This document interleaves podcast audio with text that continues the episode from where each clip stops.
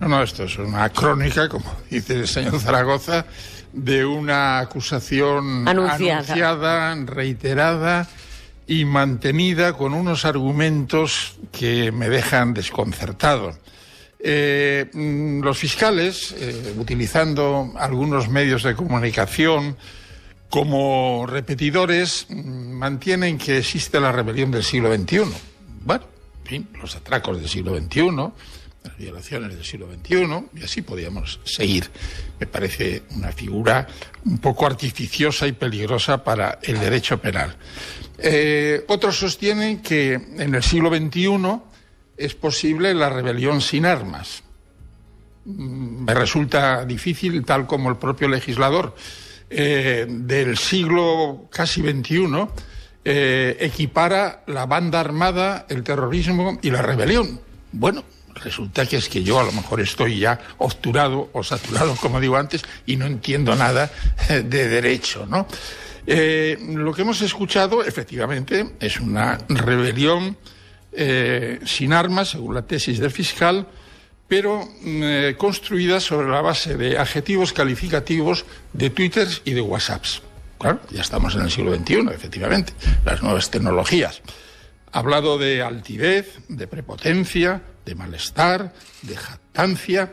Bueno, eh, escuchamos también a un guardia civil que debía llevar puesta la, eh, la visera, pero que vio ojos de odio en los que estaban al otro lado. Bueno, pues incuestionablemente, mm, para mí, eh, en los juicios en los que actué como fiscal, muchísimos, el debate era mucho más interesante. O sea, había un acusado de homicidio que decía que él no era el autor y teníamos que debatir para demostrarlo había un señor acusado de robo y decía que no, que no había utilizado, no había roto la puerta, sino que era, era hurto. Entonces había una contradicción. Yo, si fuera el abogado defensor, dice, mire usted, señor Zaragoza, señor Moreno, bueno, estoy totalmente de acuerdo con todo lo que usted ha dicho, si lo que ha dicho es absolutamente verdad. No creo que haya nada que rompa, salvo los adjetivos calificativos. Ahora, los hechos son los hechos, están ahí.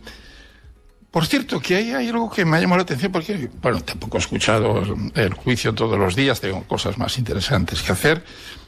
¿Cuántos puntos de votación hubo en Cataluña ese día? ¿Y qué porcentaje, en qué porcentaje hubo violencia? Si había mil, hubo en 50, si había 900, hubo en 40, no lo sé. ¿eh? Estoy haciendo simplemente una alegación. Eh, entonces, bueno, ¿de dónde está esa violencia tumultuaria parecida a la toma del Palacio de Invierno? Eh, bueno, aquí ya estamos en un absoluto desmadre eh, argumental. Eh, se habla de dolo eventual. bueno, efectivamente, era lógico que si se ponían las urnas podía haber disturbios. Pero hay algo que no encaja, y ha hablado el fiscal Moreno de la relación de causalidad, que es algo fundamental en el derecho. Ya, una relación de causalidad que, según el fiscal Zaragoza, empieza en 2015 y termina en 2017, más que nada eso es el túnel del tiempo, más que una relación de causalidad. La relación de causalidad tiene que ser inmediata entre la acción y el resultado. Eh, como consecuencia de eso, el referéndum eh, no era eh, el instrumento que podía llevar a declarar la independencia.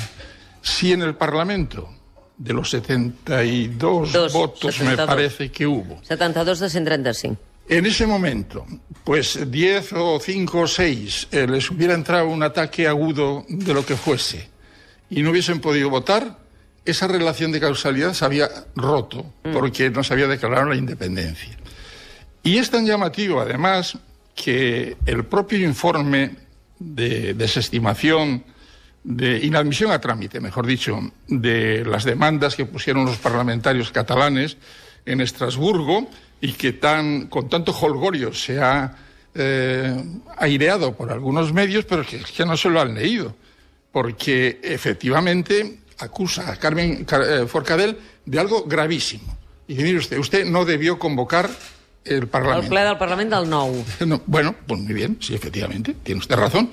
Eso es un delito de rebelión, según la tesis. En segundo lugar, declaración de independencia. Hombre, que se lea en el párrafo textual.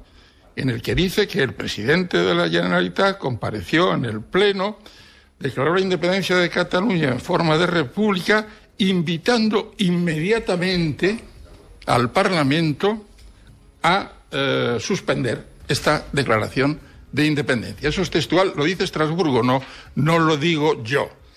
Y después hay algo que dice el Código Civil de Franco y que está vigente todavía, es que las leyes no entran en vigor si no se publican en los boletines oficiales. Por tanto, que me enseñen, a ver, entre las pruebas estas de la agencia de la agenda Moleskine, que les hacen una publicidad gratuita, que me enseñen a ver si hay alguna eh, inscripción en el boletín oficial de la declaración de independencia. Se suspendió inmediatamente. Se aplica el 155. Estos rebeldes peligrosos, capaces de asaltar el, Palacio de Invierno, eh, se presentan a las elecciones convocadas por el gobierno central. Bueno, pues yo sigo sin entender absolutamente nada.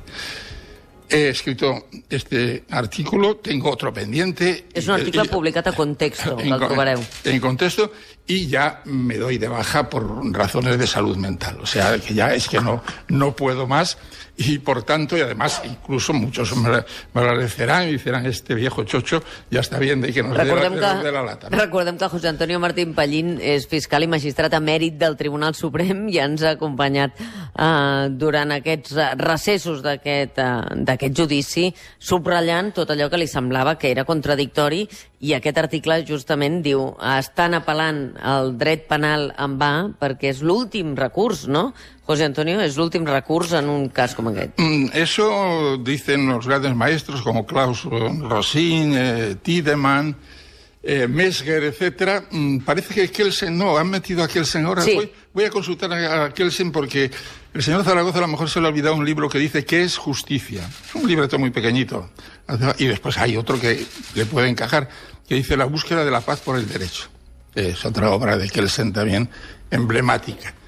Pero bueno, me parece muy bien, además está muy bien que se cite a los grandes autores en los juicios, por lo menos eh, llamativos. Pero hasta ahora yo sigo sin ver eh, la violencia con armas, sin armas, con Twitter o con WhatsApp, constitutivas del delito de rebelión. Y otra, ya para terminar, pero no quiero. O sea, me llama la atención que el Ministerio Fiscal acusa a Junqueras del delito de rebelión, como lógico. De ser el motor de la rebelión. pero el delito de rebelión tiene eh, siete finalidades. Una es eh, derogar la Constitución, otra es declarar la independencia y otra es, y esto es lo más fantástico que he visto, eh, segregar o sustraer parte de fuerza armada a la obediencia del gobierno. El número siete. Y oiga, ¿y dónde está, en primer lugar, la ley de cuerpos y fuerzas de seguridad le dice usted, señor fiscal, léasela, por favor, que la única fuerza armada es la Guardia Civil. Además, ahí hay un problema de discusión con los carabinieri, los gendarmes y la Guardia Civil. Si son fuerza armada, dependen de defensa y dependen de interior. Pero, desde luego, los mozos, que yo sepa, no son fuerza armada. Y entonces, además de la dependencia del gobierno central. O sea, sobra el 7 sobra o el 1 o el 5, porque ambos son modificar la Constitución. Eso es el bis in idem que dicen los maestros del derecho. No sé si Kelsen también lo ratifica.